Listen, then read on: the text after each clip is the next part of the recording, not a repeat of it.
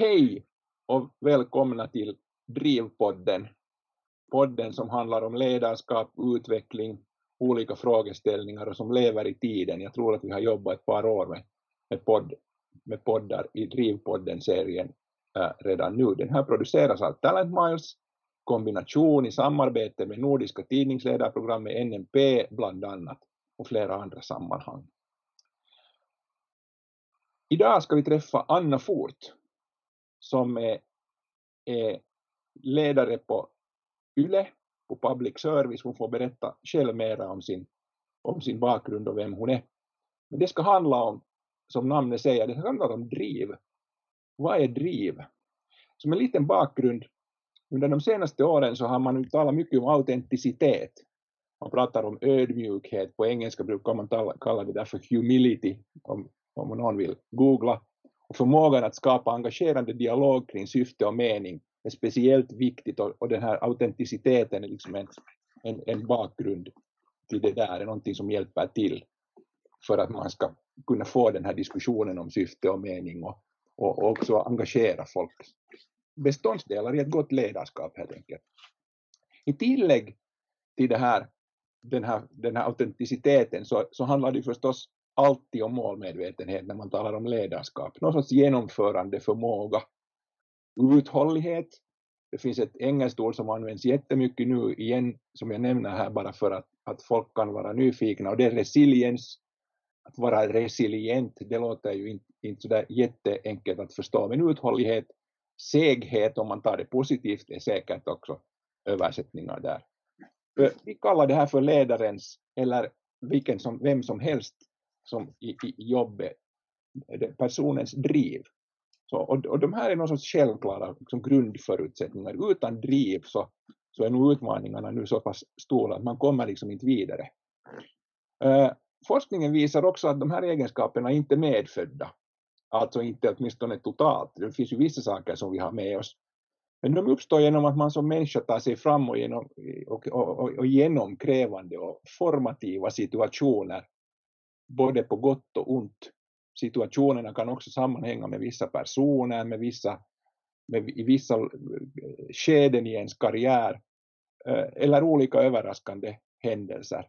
Det vi alla upplevt nu under det här senaste året med, med, med pandemin, det är alldeles säkert kommer att, att bli en, en formativ, kanske mer än en situation, men en tid för många på olika sätt. Men det är intressant att försöka spåra och förstå vilken typ av situationer som ligger till grund för dem, den stil och den driv man som ledare har utvecklat och, och, och, som man förverkligar. Vi har valt att prata med Anna Fort därför för att Anna eh, egentligen sammanfattar ganska bra eh, betydelsen av en, en, en, ny ledare och stilen hos en, en modern ledare utan ett större åthäv men ändå jättetydligt driv så vi är lite nyfikna Anna, välkommen på att höra, att höra om dig berätta om hur du har blivit som du är och, och vad du upplever som utmaningar och så vidare. Men vi försöker gå i ordning här.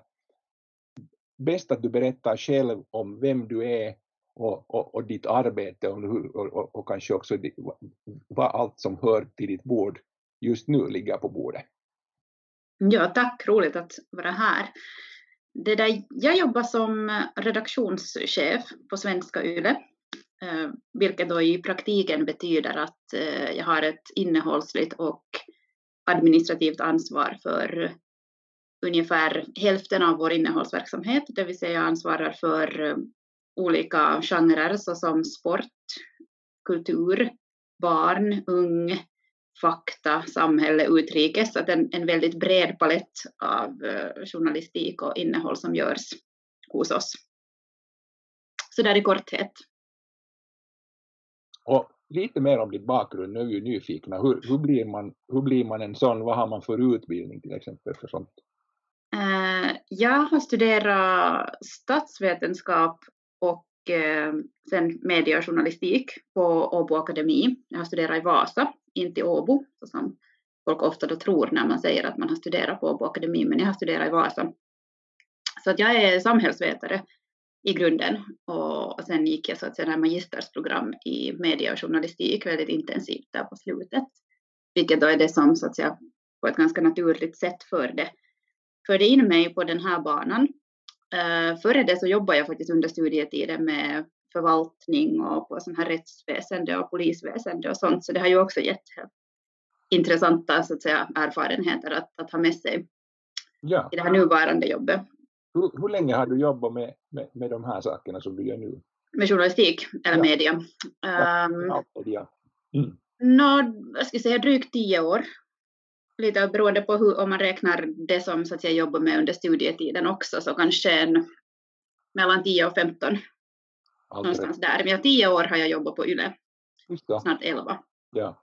Det betyder och det där, förlåt, jag skulle, du, du, du, är ganska erfaren. Forskarna säger att när, när man har gjort någonting i sju år så börjar man veta, så på svenska, så börjar man veta vad man håller på med. Det vill säga man börjar känna att man, man är liksom inne i det här. Var det så för dig också eller är du, är, du, är du fortfarande liksom så du funderar att va, va, det, det, det, stå, det, lärkurvan är liksom jättebrant eller hur skulle du beskriva? nu känns det ju som att lärkurvan är jättebrant dagligen nästan, så att säga den här branschen, för det händer så mycket hela tiden. Men, men jo, nu stämmer det ju säkert att nu, nu kommer det ju någon form av självinsikter och lugn och man känner att vad situationerna är olika så har man kanske ändå varit med om liknande situationer tidigare. Så nu, nu hjälper det. Så då tror jag det ligger det någon sanning i det att, att liksom, den här erfarenheten hjälper. Ja. Samtidigt som jag tänker att tio år i mediebranschen är en, alltså både lång och kort tid för att under min tid hade det hänt jätte, jättemycket. Att då när jag började på YLE så kom jag in som eh, reporter på TV-uutiset, alltså på de här finska TV-nyheterna. Och då var det så att säga, då var det broadcast-TVn som var det största och det bästa. Uh, och den är ju fortfarande förstås stor och, och viktig eh, på YLE, men, men det är så jättemycket mer och annat som har kommit till. Ja. Och att det är väldigt få som, som kommer in och jobbar så att säga enbart med TV-nyheter till exempel. Men det här du säger nu är ju också hemskt intressant därför för att, att eh, i sådana här Eh, sådana här liksom omställningstider som jag, man kan väl säga med nyhetsmedia så har det ju alltid varit nästan eh, omställningstid känns det som.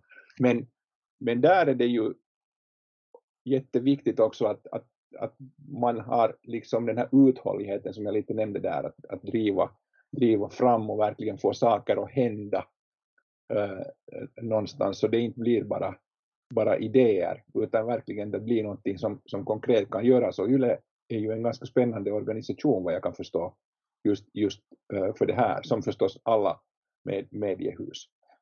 Uh, mm men när det gäller ditt, ditt arbete och, och, organisationen, du har, det är ganska många, hur ser det ut? Du har, du har ett team på, på hur många människor som du själv jobbar med och sen har de en, en hel del människor.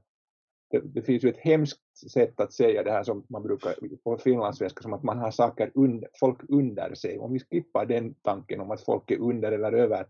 Men, men hur skulle du beskriva liksom den här organisationen så där i storlek? Hur, hur, hur ser den ut, bara så vi får en känsla? Jag skulle kanske beskriva den som på sätt och vis som ett nätverk av människor, hela den här eh, vår organisation.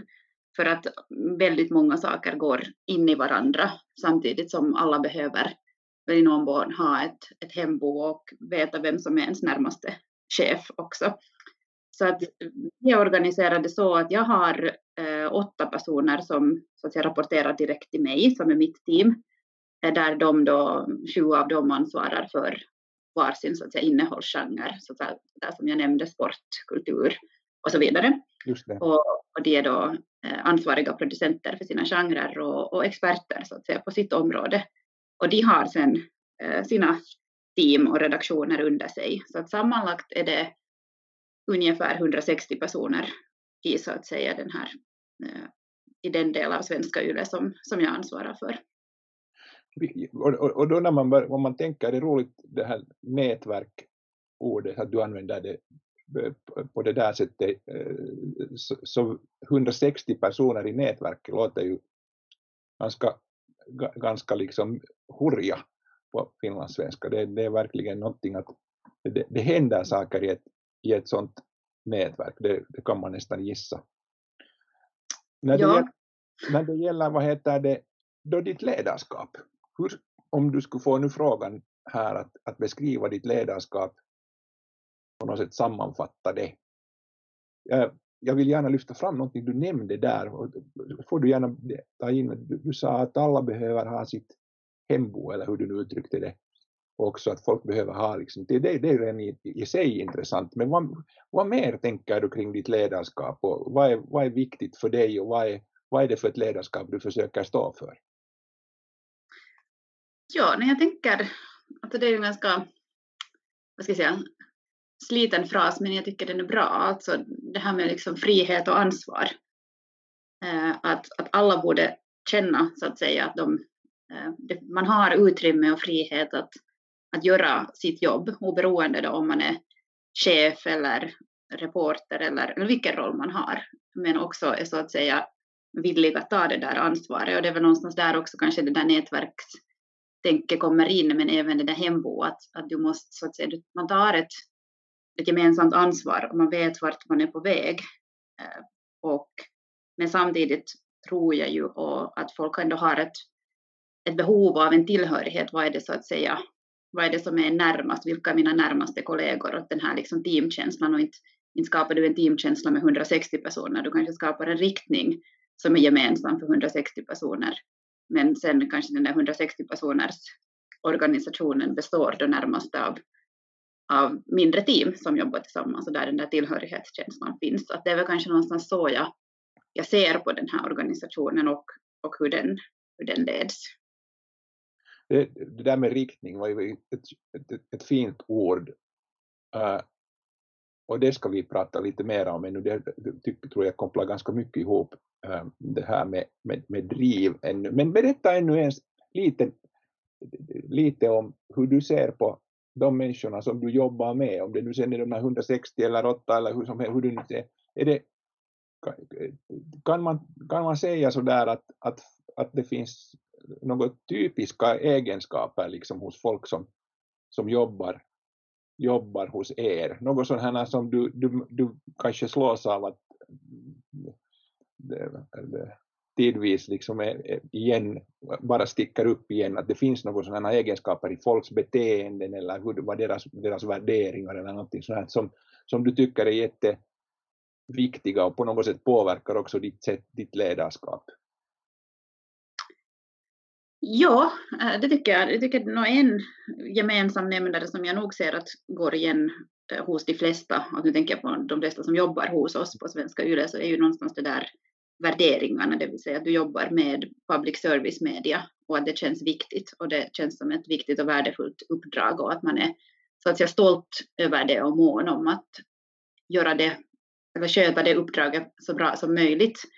Vilket ju också eh, förstås betyder att det finns mycket åsikter om vad är rätt och vad är public service, vad ska public service vara nu för tiden och i framtiden. Och det finns en massa människor som har åsikter om public service också utanför YLE. Så det här är definitivt en, en gemensam nämnare, men som jag nog ser som en, en styrka. Men, men då blir det ju frågan, då blir man ju genast nyfiken på att men hur, hur är det med, med din då? Kan man, kan man som, som ledare och, och chef, ehm, de är sådana här många människor som har har själv tänkt till och har sina funderingar och värderingsdrivna eh, uppfattningar och synvinklar på, på vilka vi är och vad vi ska göra och, framåt och, och, och, så. Vilket utrymme ger det dig själv att, att liksom tänka till? Upplever du att du, är, att du, du, du har den, det, det utrymme liksom att också själv staka ut lite av den där riktningen på något sätt? Eller eh, hur mycket hinner, hinner man tänka på sånt i ditt, i, i ditt jobb?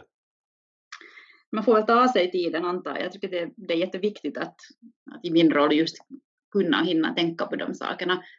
Um, jag, vad ska jag säga, att jag tycker att alla, just för att, för att folk känner starkt för det de gör och bryr sig eh, om det de gör, så tycker jag att att vi för, jag tänker på mitt team till exempel, ja. att vi för jättebra diskussioner och intressanta diskussioner och, och jag utgår inte på något sätt ifrån att det är jag som sitter på alla svar, utan, utan det är liksom via de gemensamma diskussionerna som vi kommer framåt hela tiden tillsammans.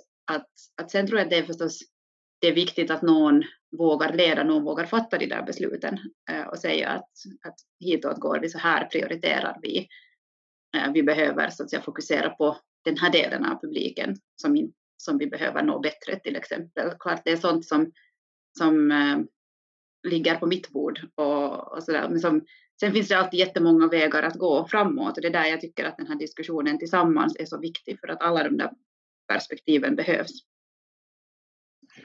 Men, men vad, vad känns det som att ditt, dina kollegor sen egentligen förväntar sig av, av dig? Är det just det här att, att i en diskussion som är ganska säkert mångsidig och flytande och kan vara ganska emotionell, det stora och mindre egon som det är i alla organisationer och så vidare, och så väntar man att, att du liksom sätter ner foten som man brukar säga och säger att Nej, men nu gör vi så här. Är det är det, det man väntar eller är det, är det några andra egenskaper som du ser? Och det här får du gärna säga också att vad har det ändrat det där att, att om du ser nu bakåt, jag kanske ska prata separat om det här coronaåret, men lite sådär över lite längre tid, att över de senaste åren, så had, had, tycker du att det har ändrat de här förväntningarna som ställs på dig, eller är det ungefär lika fortfarande, och vad är det för förväntningar?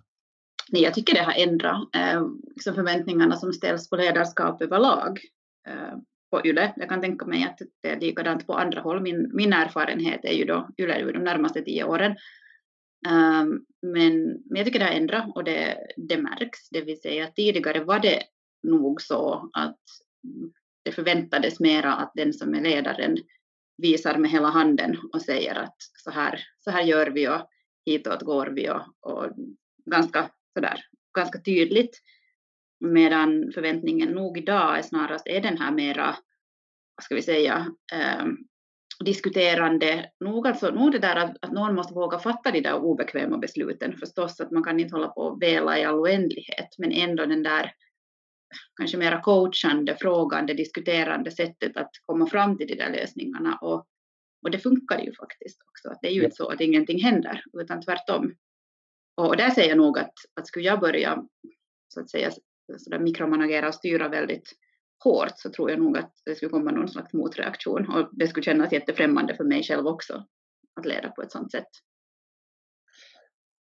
Då, då blir man nyfiken på den här med att, att den här det att då ta sin plats och ha den där platsen som diskussionsledare mer och mer som du säger, eller diskussionscoach, uh, visst, men också emellan då ta besluten tillsammans förstås med andra, men att vara den som ändå tar initiativet till att nu, nu beslutar vi så här och nu gör vi. Allt det där, det, det förutsätter ju nog och här, det här drivet.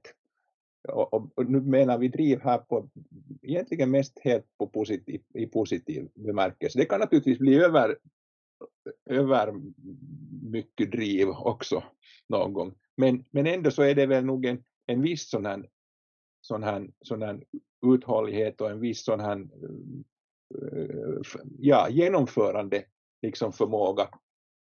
Och, och det, det får man väl tro att efter ett, ett helt år med, med pandemin också så, så har det varit ganska viktigt att, att liksom få saker gjorda. Att, det, att mycket diskussioner och mycket nya situationer att lösa, mycket nya problem att lösa, säkert hos er som i alla organisationer.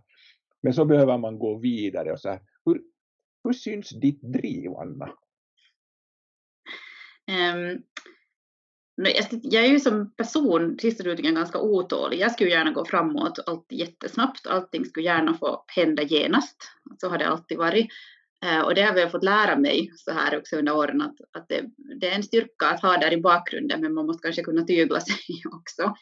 Eh, alltså, att vissa saker behöver ta tid. Men jag tror att det kanske syns där att jag är oftast den som nog är ganska snabb på att hej, nu borde vi göra så här och ska vi göra si och ska vi göra så att jag driver på antar jag ehm, ganska, ganska mycket där i bakgrunden. Så att, så att det, det syns. Och, och förstås sen tänker jag att, att i den här rollen också när, när jag har många saker så att säga, på, som på mitt bord eller mitt ansvarsområde så att man, jag känner att liksom man behöver ligga något steg före förstås hela tiden, att tänka så att säga framåt, att var, var behöver vi vara om ett halvår eller om ett år efter den här pandemin? Att jag behöver så att säga tänka på de sakerna och, och vara förberedd på något sätt. Jätteintress jätteintressant det där, både den här otåligheten, den ska vi prata lite till om, men också det här som du nu sa, att, eh, att du behöver ligga lite före. Det är säkert många som många i den rollen som, som du har att, som, som chef känner, känner det här och, och kanske emellan också eh, är, liksom har, är lite stressade av att, att, att behöva, ligga, behöva ligga, ligga före. Hur mycket kommer det där, den där förväntningen av, eh, som du ställer på dig själv, finns det, har, har dina medarbetare också medarbetare liksom också den förväntningen att du, att du, du tittar lite, du lyfter blicken lite, lite högre och sen berättar för dem att nu, bör, nu behöver vi titta tillsammans på de här sakerna mera. Är det, är det, skulle man kunna säga att det är en del av vad, du, vad, vad, vad de väntar sig att du ska göra också? Ja, jag vet inte, jag tänker väl själv att det är någonting jag ser att jag behöver göra. Säkert, ja. Eh, och eh, på något sätt då försöker enligt bästa förmåga göra.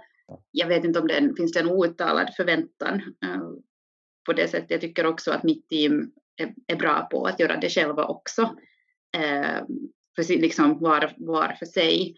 Men att samtidigt antar jag att det kanske finns en, på sätt och vis en sån förväntan i och med att mitt team består av människor som har väldigt olika ansvarsområden sinsemellan. Och ett sånt här pandemiår till exempel har ju påverkat dem väldigt olika.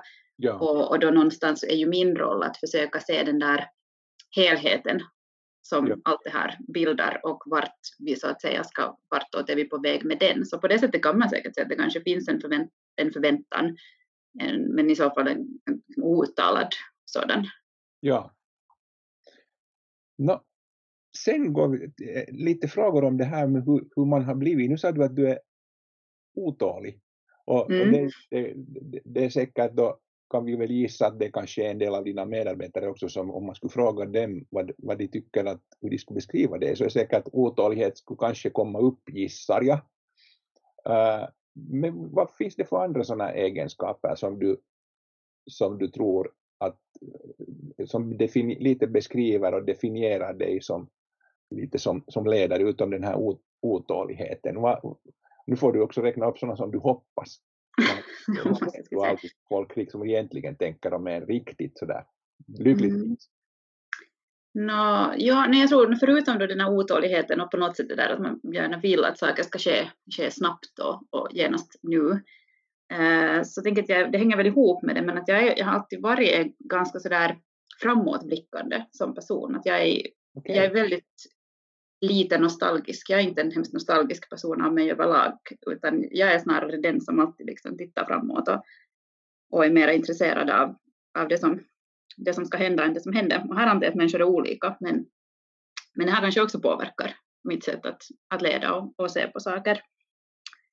Um, och sen skulle vi säga... Egenskap. Förlåt, jag tycker det ja. en bra egenskap att ha i en, i en bransch som din, att inte vara att upp, känna att man inte är nostalgisk. Ehm, ja. Utan att man, man liksom man, vi, vi, ska, vi ska reda ut varifrån det kommer, för det är ju lite, det är lite spännande. Men ja, och med det sagt så tänker jag att, att man ska ju inte vara historielös, man ska veta, det är viktigt att veta varifrån, liksom, varifrån man kommer och varifrån saker härstammar. Men jag tänker att jag åtminstone, jag, jag är inte den som sådär längtar tillbaka eller blickar tillbaka, sådär, ja. som människa tänker nu sådär, inte bara jobbet utan, utan i allting. Att jag, ja, det är väl liksom en, en egenskap mm. hos mig helt enkelt som alltid har funnits där. Men Anna, hej, nu, nu, nu en fråga på det här ännu för att det, mm.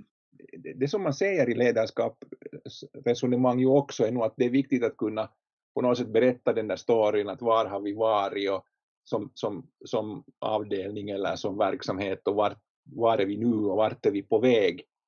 Om man nu lite tar det på orden här så kan man tänka sådär att, att för dig är det nu inte så du, du, du, är ganska kortfattad när det gäller på den, var, var vi har varit. Alltså vi, du har historia, det är viktigt som du sa att det inte var historielös.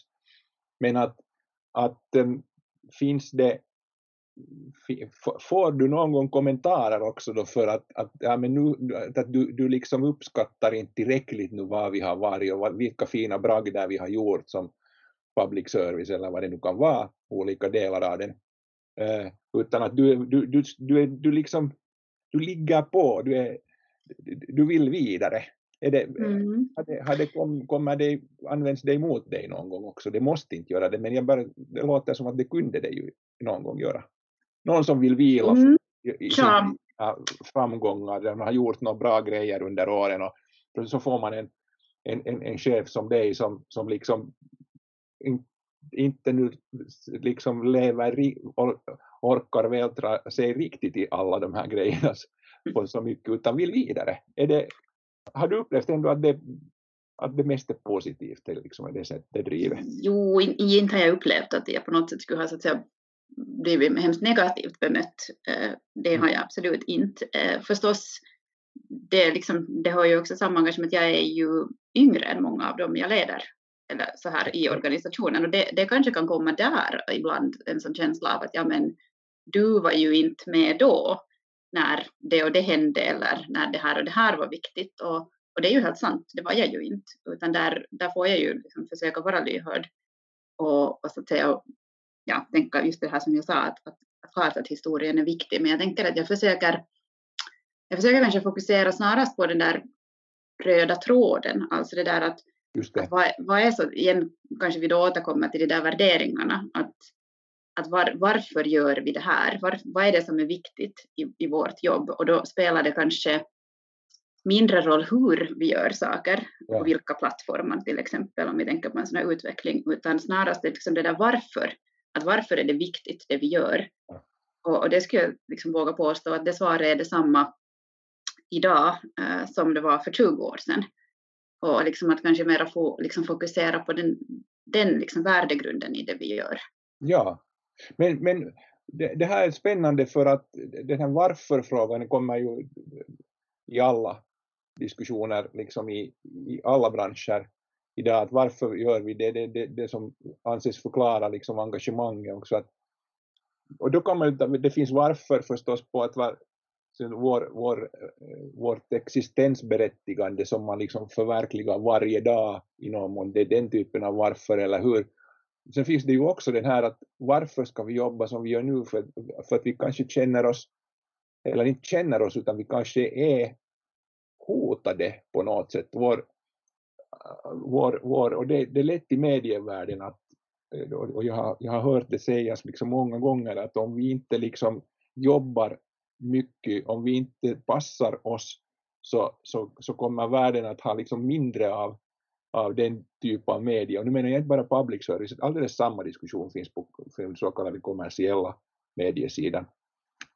Uh, ehm, hur, hur mycket är, har du en sån här stor story om att vi måste, vi, det, det är liksom en sån här existenskamp vi, vi någonstans för, att vi, vi är en utpost, vi är liksom, vi är garanter för, för någonting. Är det, är det något som du, går, som du liksom odlar i ditt, i ditt ledarskap eller är det mera den här vardagliga att, hej, att vi, det vi gör ska synas varje dag och det, det, det är det som är det viktiga, att den här vardagen för folk blir, blir liksom, vad, vad är det som du använder sådär för stridsrop? Om man får säga så. Eh, jag skulle säga att just den här liksom, det där varför, det där existensberättigande, varför finns vi, varför är det viktigt det vi gör, så det, det tror jag är liksom en styrka hos oss, att den, den finns så att säga i DNA hos de flesta som jobbar på YLE, svenska YLE. Att, att det finns, liksom, det finns en, en ganska liksom naturlig eh, mening med det vi gör. Ja. Som så att säga samhällsstärkande. Och, och, och så här, eh, jag ska säga att den här diskussionerna just nu kanske just snarast går för att, att vi, vi ska vara relevanta för alla. Och, och, vilka är det vi når sämst just nu? Och då kommer vi just in på de här liksom snabba förändringarna i medievanorna och att kunna lägga om sättet vi jobbar på, göra innehåll för nya plattformar för att nå en yngre publik till exempel och så vidare. Och, och det, här, det här innebär ju förstås liksom stora utmaningar för alla. Och dels handlar det ju alltid om att du måste avstå från någonting för att kunna satsa på någonting nytt. Ja. Eh, du behöver lära dig nya saker, du behöver så att bege dig in på okänd mark testa saker som det inte finns någon garanti för att det lyckas, medan det gamla och bekanta är ju där vet man ju vad man gör så att säga. Det, det är tryggt att hållas där. Och jag skulle säga att alltså mycket, mycket handlar om det, att, att föra liksom att, att ja, vi är överens om att, att det vi gör är viktigt och det vi gör ska vara, är viktigt för alla, men alla har också så att säga rätt att uh, ta del av det vi gör och känna att det vi gör är viktigt och hur, hur når vi då dem som vi inte når idag? Och det är kanske det är där så det här fokus finns, min ja. del. Bra, och då, och då ett, ett, annat sätt att säga det där är väl också att det handlar i ditt, din roll blir hemskt mycket det här att driva den på, på något sätt att, att eh, finnas och, som en av drivkrafterna för den här förändringen eh, som, som behövs till och, och, och liksom också lyssna och vara två steg före eller hur du nu var lite före som du förklarar där och så vidare. Nu, ja, nu går vi in på biffen hör du och det är ju det att hur har du blivit som du är och då citerar jag i början lite forskning som gäller ledarskap om att man egentligen, forskningen har visat att man hemskt mycket blir den, det man har upplevt.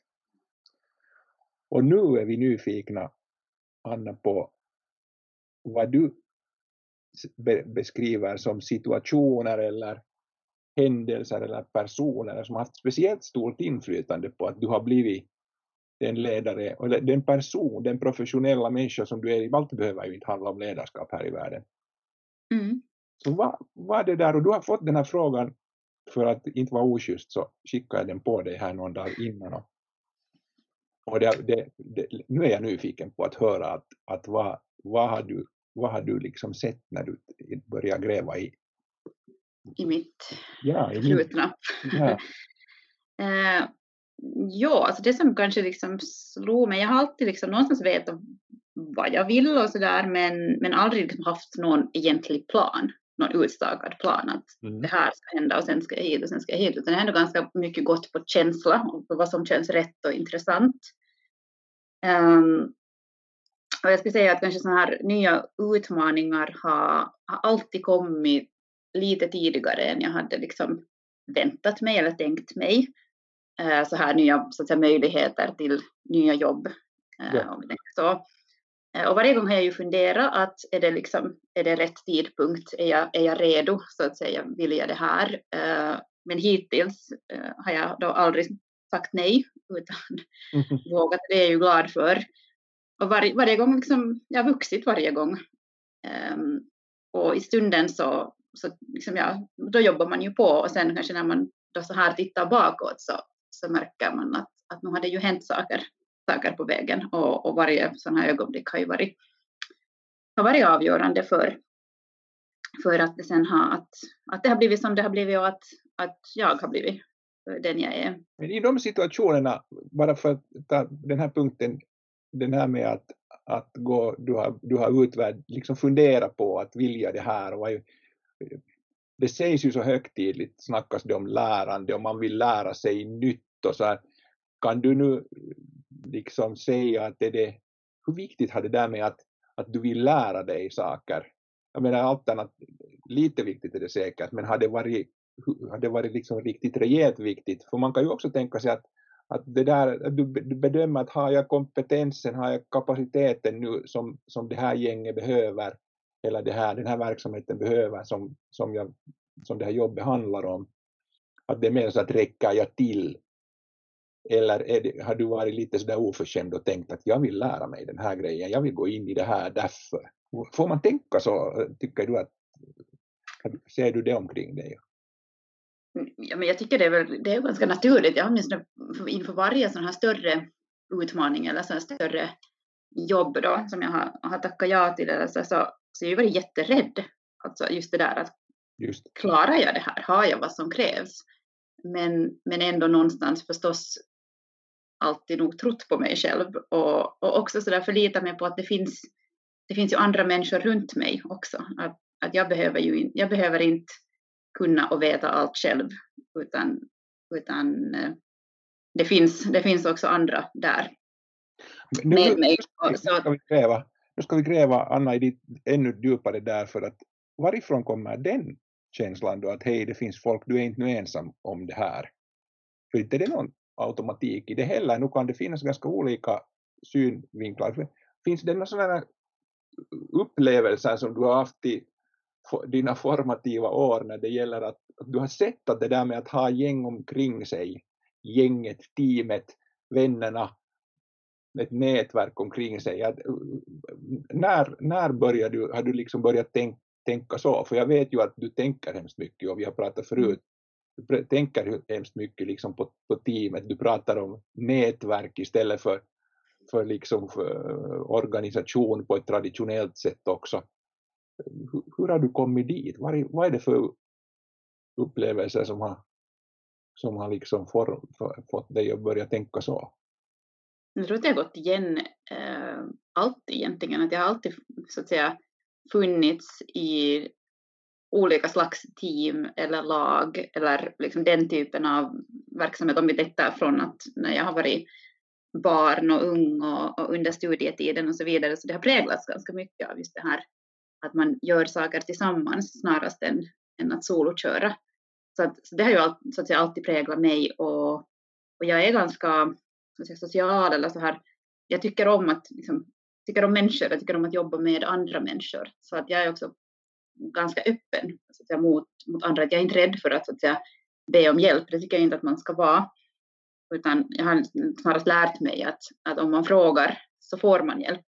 Ja. Och, och det har jag så att säga tagit med mig och det, det syns kanske här, kanske här också. Och sen har jag haft Ehm, så att säga, de cheferna jag har haft under, under min tid, om vi tänker upp tio år på YLE, så har också varit sådana som har varit väldigt eh, så att säga, coachande och eh, haft, haft ett sådant grepp som så att säga snarast fokuserar på det där teamet än på individen. Så, så det har nog funnits med hela tiden och det är någonting jag, jag själv så att säga tror på. Och vilket säkert underlättar för att, att det är ju lättare att ta sig an nya utmaningar om man inte känner att man behöver stå där ensam ja. kunna allt och ha svar på allt. Även om den förstås finns den sidan också där, att jag kommer speciellt bra ihåg då när jag började i ett nytt, lite sån här, det säga en svårare, för mig en liksom betydligt större roll än vad jag hade haft tidigare och var ny. Och då, då kanske jag kände det här att nu behöver jag ha alla svar och jag behöver veta. Och, och det var en liksom överlag en turbulent tid. Så, där, så det fanns mycket frågor och kanske till och med oro och ilska så där bland, bland personalen. Och, och då kände jag ofta att på varje möte jag var på så behövde jag liksom jag behövde veta saker som ingen kunde veta. Men jag kände liksom ett starkt och, och då hade jag en äldre kollega som vi då jobbat tätt ihop med eh, så hon, hon sa en gång efter ett möte så tog hon mig åt sidan och så sa hon så att Anna nu, nu ska jag säga det här åt dig som någon som har liksom mycket erfarenhet mm. att du behöver inte ha svar på allt att bara lyssna det kommer jättelångt med att bara lyssna. Ja. Och, och det här började vara ett, ett par år sedan redan, men, men det har jag tagit med mig. Ja. Också. Du, du, du sa någonting om, om ålder där lite tidigare, du är, du är yngre än många av de där dina kollegor. Är det, tror du att det här är någonting som, som präglar speciellt yng, yngre människor, det här att man, man är liksom mer, man kramar klubban lite hårdare när man, för att nu använda en hockeyterm här, att man, när man liksom, när man är yngre, att man, man, man kommer liksom med den här tanken att, att hej, jag, jag är chef, jag, jag förväntas ha, ha svaren. Eller är det, varifrån kommer den, det, finns den i kulturen liksom på något vis?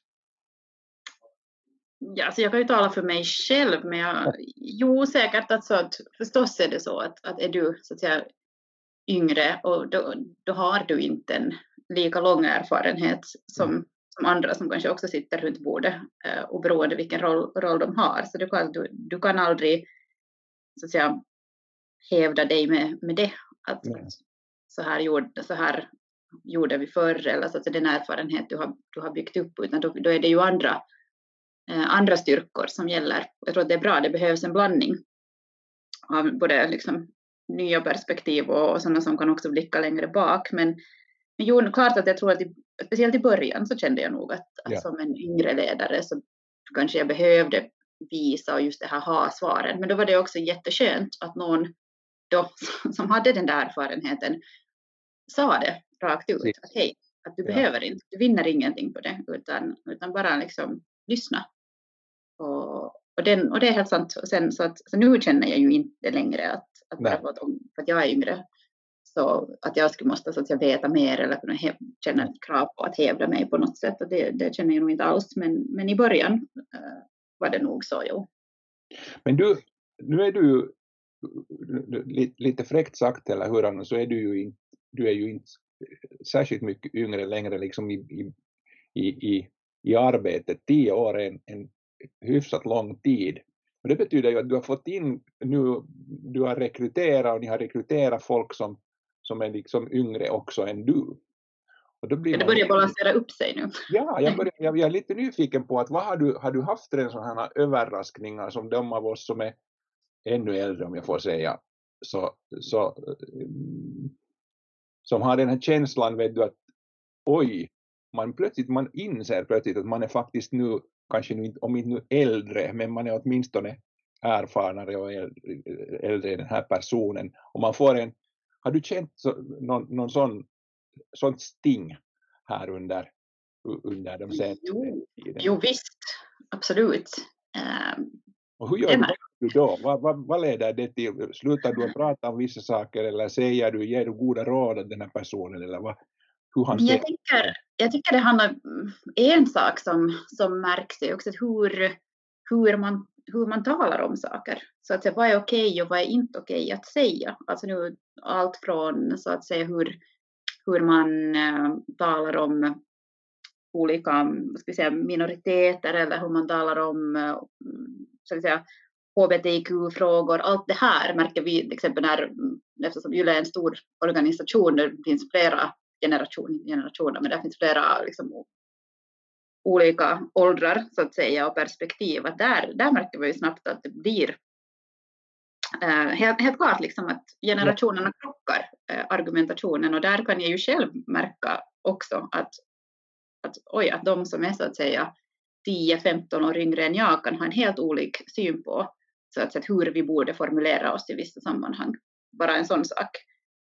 Eh, och, eh, och det är intressanta diskussioner varje gång. Eh, och, jätte, liksom, och vi kommer alltid ut ur dem allihopa, så att säga, klokare än då vi började. Men här bara att hur, liksom någonting som är jättenaturligt för den ena parten inte alls är lika självklart för den andra.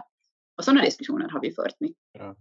Håller du med om att att eh, den där typen av situationer hade man ju lite färre av liksom för, för, förr, och nu menar jag inte för tusen år sedan utan jag menar bara för ett antal år sedan, att det här är ganska nya, nya fenomen, det här att kunna hantera sådana situationer när, när det man säger på sätt och vis blir ord, tas på, kan tas så fel och blir liksom förolämpande för någon. Så vi har inte varit medvetna om den saken. Det har säkert varit förolämpande förut också.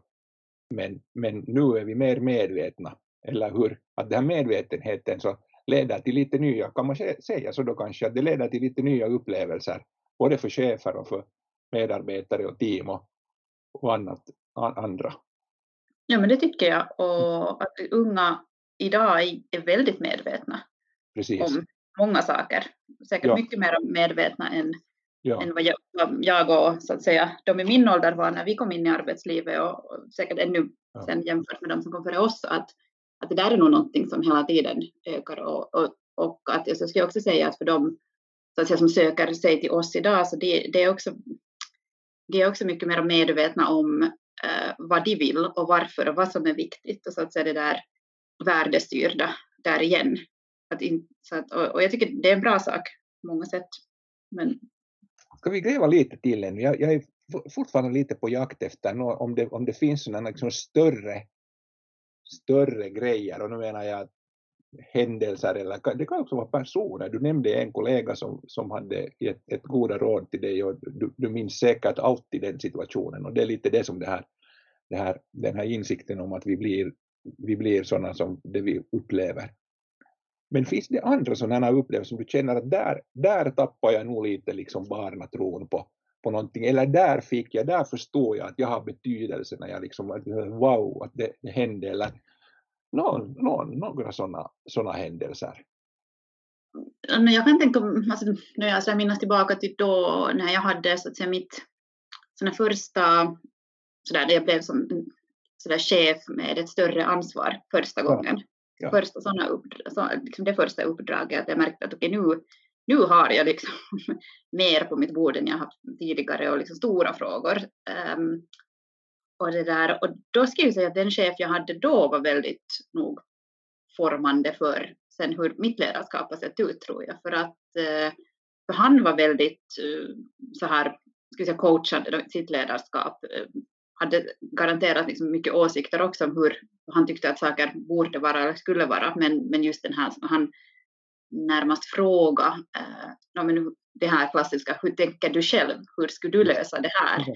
Eh, I början till liksom min stora frustration för att just det här att jag kom ju till honom och hoppades på svar eh, och kanske fick den betydligt mer sällan än, än det där jag skulle ha önskat. Men, men i slutändan så, så växte jag ju massor under den tiden kan jag ju säga nog. Att... Det tog, men det tog en liten tid innan du liksom orkade börja uppskatta den, den, mm. den, den biten. För det där har jag hört från, från många som säger att, att, att oj vad det skulle vara skönt om man skulle få något svar någon gång. Uh, typ. Men sen har de börjat tänka om liksom. Och, ja. Har du haft ja, det var ju, så, det var ju väldigt, ja.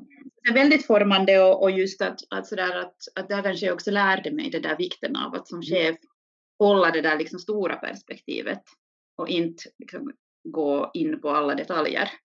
Nej. Att faktiskt liksom höja blicken, fokusera på liksom den där stora bilden, vart är vi på väg? Och, och inte fastna i, det, fastna i det lilla. Och det tror jag kom just av det där att han ledde på ett sådant sätt att han ställde de där frågorna och, och hela tiden styrde, styrde i den riktningen. Ja, hade du, jag blev nyfiken på om du har haft några riktigt dåliga chefer. Du behöver inte nämna namn, utan vilket någon som har, du tänkt sådär att det där ska jag aldrig göra. När jag, när, när jag går vidare, jag ska inte behandla folk sådär. Eller har du, minns du att du skulle ha haft någon sån här, du behöver inte hitta på den om inte du har haft den. Jag har haft liksom, lyxen att ha bra chefer, måste ja. jag säga. Men nu liksom, jag har ju träffat mm. olika slags människor och sett folk leda och så vidare. Men jag tänker att ja. det där Eh, det som jag ogillar mest, eller som jag har då, det som jag upplevt eller sett, så, så är ju närmast just den här att man så att säga man inte ger eh, folk den där friheten att göra, eh, utan man kanske säger att man gör det, att jag litar på dig och du får så att säga fatta dina beslut och liksom gå i den här riktningen, men sen är man ändå där i bakgrunden som den där överrocken och lite ändå styr eller och till och med mikromanagerar, att, att det, det ser jag så att säga som, som det värsta, att för då, då, tapp, då tappar ju liksom de, de du leder, så tappar ju då sin initiativförmåga helt och hållet. Och då har jag sett också att det, det är ju ledare som gör det omedvetet till och med. Att de tror att de coachar, fast de det, det verkliga livet så, så gör de allt annat. Och, så det här har jag ju nog sett, kanske inte upplevt så mycket av mina egna chefer någonsin, men, men det där, sånt finns ju det är spännande, jag skulle kunna prata länge om att varifrån, hur många det kommer sig att man kan tro så fel. Eh, för jag har upplevt det där också som, som en ledar, ledarskapscoach på många ställen, att när man pratar med någon som säger, berättar då liksom att sån här är jag som ledare, så pratar man med någon annan som säger att, att det är inte helt säkert att eh, hon eller han är sån här som, att, att, att du hör det säkert att hon eller han tycker att, och så vidare. Att, att det, i, någon, i någon utsträckning är det ju alltid olika, alltså det vad man själv har uppfattningen och vad andra har om så det, man ska inte överdriva det här heller. Men nog många gånger så, så är det nog också tydligt att man kan som chef handla, hamna i en bubbla eh, eller börja leva liksom lite i en bubbla, mm, eventuellt med andra chefer också, det beror lite på hur det där ser ut. Ledningsgruppen kan ibland börja ha bu bubblor och det där kan jag gissa att du att du, du, du är, vet om och är känslig för och att ni, ni, ni har det. Men att, då kommer vi in på den här frågan om feedback kanske här på slutet. Att, hur, får du, hur får du känna på ditt jobb, vad du gör som, som chef och hur du fungerar och vad du, ja, ditt, ditt beteende helt enkelt. Vad, vad har du för knep för att och sätt att få, få feedbacken? alltså det är ju svårt alltså där, överlag att som chef få eh, feedback, men alla behöver vi ju det någonstans. Mm. Eh, och jag tror precis som du var inne på, att den där liksom funderar mycket på det där, den där risken är ju stor att man tror sig leda enligt vissa värderingar. Men sen är man bara människa och förstås går ofta i de fällorna att, att man sen kanske inte riktigt lever upp till det som man, man vill vara. Och det tror jag är bara mänskligt, men sådär att i det stora hela ens få det att fungera på rätt sätt. Eh, så jag brukar fråga eh, mm. människor i mitt team ganska ofta, eller sådär med jämna mellanrum, att eh, vad behöver du av mig? Så att säga att, att vad behöver du för att, för att liksom vårt samarbete ska fungera? Vad behöver du av mig som chef? Eh, ganska ofta får jag, får jag det där svaret, att, liksom, så att säga, den där friheten, eh, men också det där att det finns tydliga ramar och att liksom den där riktningen, vart är vi på väg? Och då brukar vi liksom, och det, och det har jag ju sen också märkt att det kan ju betyda ganska olika saker för människor ja. Eh, i mitt team. Alltså, folk är så olika. Så, att, så det är ju där att, att, helt enkelt fråga och också våga fråga att är det, är det någonting du tycker att jag borde göra på ett annat sätt? Ja. Så, så det är ju liksom kanske den ena. Och, sen, och känner du att du får liksom ärliga svar på det? För att det är ju ett jättefint betyg och mått att om du har fått ditt, ditt ett, ett, skapa en sån, tillsammans med dina kollegor en sån kultur att man vågar öppna mun och säga att nu känns det här inte riktigt bra eller någonting. Så det kommer sådana feedbacks också då tidvis, för att inte kan man ju göra allting rätt alltid heller. Jo, jag tror det, jag hoppas det. Mm. Eh, där är det att vissa känner jag ju sen liksom längre tillbaka i tiden, ja. att vi har jobbat tillsammans en längre, längre tag, andra är nyare. Så det, det är klart det, de, de jag känner bättre så, så är det ju säkert lättare också för dem att säga, säga exakt eh, när de tycker att jag gör någonting dåligt. Men, men jag, det är nog liksom min strävan ändå att folk, folk ska känna att de ska kunna säga att jag är liksom helt uppriktig när jag frågar. Och, och nu har jag fått eh, ärliga svar också så, att, så jag antar att de känner att de vågar, att de vågar säga. Eh, och sen tror jag en annan sak är också det där att, att om jag ser att någonting i vårt samarbete eller den liksom, medarbetarens sätt att jobba inte på något vis motsvarar det jag förväntar mig eller hoppas. Mm. Så att då, är det ju in, då behöver jag ju kanske också fundera på att har jag varit tillräckligt tydlig eller är det någonting liksom i mitt sätt att leda liksom, gentemot den personen som är problemet? Att, att också så att säga lika mycket spegel som, som att, att se på den, den personen, för det säger ju mycket om mitt ledarskap. Precis. Anna, sista frågan, en stor fråga, men vi kör. Och det, det är ju det att vart är du på väg? Var, du, du börjar kunna vad du håller på med, även om det hela tiden utvecklas, så det är inte helt sant det där. Men, eh, och nu menar jag inte heller att vad är ditt nästa jobb, det är inte så jag tänker, utan jag tänker mer så här att, att vad är, vad är liksom, om du skulle ha en, en dag i veckan nu plötsligt på att verkligen fördjupa dig i någonting, bara för att ta så här, någon, någon, någon grej, du skulle läsa på lite eller, eller fundera, bara sitta och tänka vid vatubrynet äh, någonstans och fundera på någonting som ändå på något sätt är liksom har med, med, med, med det du gör och jobbar med och kanske inte direkt med branschen men på det, med jobbet på något sätt gör. Så vart, vart, är du på väg? Vad vill du lära dig? Vad vill du uppleva och se? Har du, har du sådana funderingar? Mm, oj. Det var en stor fråga. Det är en stor fråga, men, men det sägs vet du, att efter pandemin så det här har vi suttit och funderat på. Vi lär vara, säger alla forskare, vi lär vara mera in, insatta i vad vi tänker om och vad vi väntar och vill, vill, vad vi vill nå och så där vidare. Det är inte alls sagt att det stämmer, det är bara så som forskarna tror nu. Mm. Ja, jag, jag tänker som så att det finns så att säga i liksom det som har om vi då talar om den där drivkraften igen och vad, vad har det så att säga varit genom eh, alla dessa år för mig så det, finns liksom två områden på sätt och vis att där är, som intresserar mig. Ja. och där är liksom, det ena handlar om det där liksom strategiska arbetet, så det, det strategiska, liksom, var, liksom, vart, hur ser framtiden ut, vad borde vi göra för att komma dit, vart är vi på väg? Och, och sen den andra biten är människor. Att jobba med människor. Mm. Eh, och det är liksom de två sakerna har hela tiden funnits där och, och då när jag har ofta bestämt mig att vilken, vad vill jag, så att jag vill jag gå då, om det har varit vid ett vägskäl, att är det det här eller det här och då har det ofta varit så att säga de rollerna som har haft med människor att göra, som jag ändå har liksom, så att säga, valt, eller det, liksom, det har varit en sån här ska vi säga, röd tråd då också i, i det här. Jag har ofta valt sådana jobb där, där, där det ingår liksom människoledarskap. Så någonstans är det ju det där gränslandet mellan liksom det strategiska ledarskapet och, och människoledarskapet, där de här två möts, som, som på något sätt intresserar mig och där jag kanske liksom ser, ser mig själv och där jag skulle vilja fördjupa mig, gå framåt inom det området.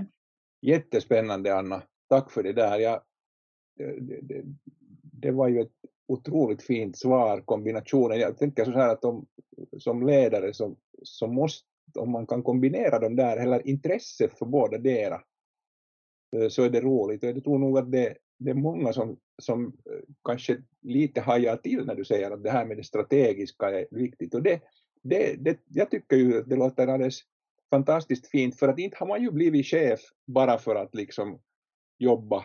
Inte, man väljer ju inte det där alltid heller som du har sagt här under vägen, utan det, det, det händer saker. Men, men sen är det ju så att inte det är ju bara de här människ, människorna, nu vill man ju saker också som chef, nu vill man ju att verksamheten ska utvecklas åt något håll och på något sätt. Att man, kom, man har liksom idéer när man kommer in som chef och det glöms, påstår jag, lite ibland. Att det, det, när man, all coachning, som, och nu är det viktigt med coachning, att vara coachande ledare, det har vi pratat om här, och så vidare. Allt det där är otroligt viktigt och annars blir det ingenting av ingenting, alltihop. Men man måste också ha idéer och, och, och man, man, måste vilja liksom någonstans. Och, och, där, och det, det, jag, jag kanske övertolkar om jag tar din poäng om strategi lite som sån, att du är nyfiken på det där, vart det kan bära och vad det, vad det kan vara.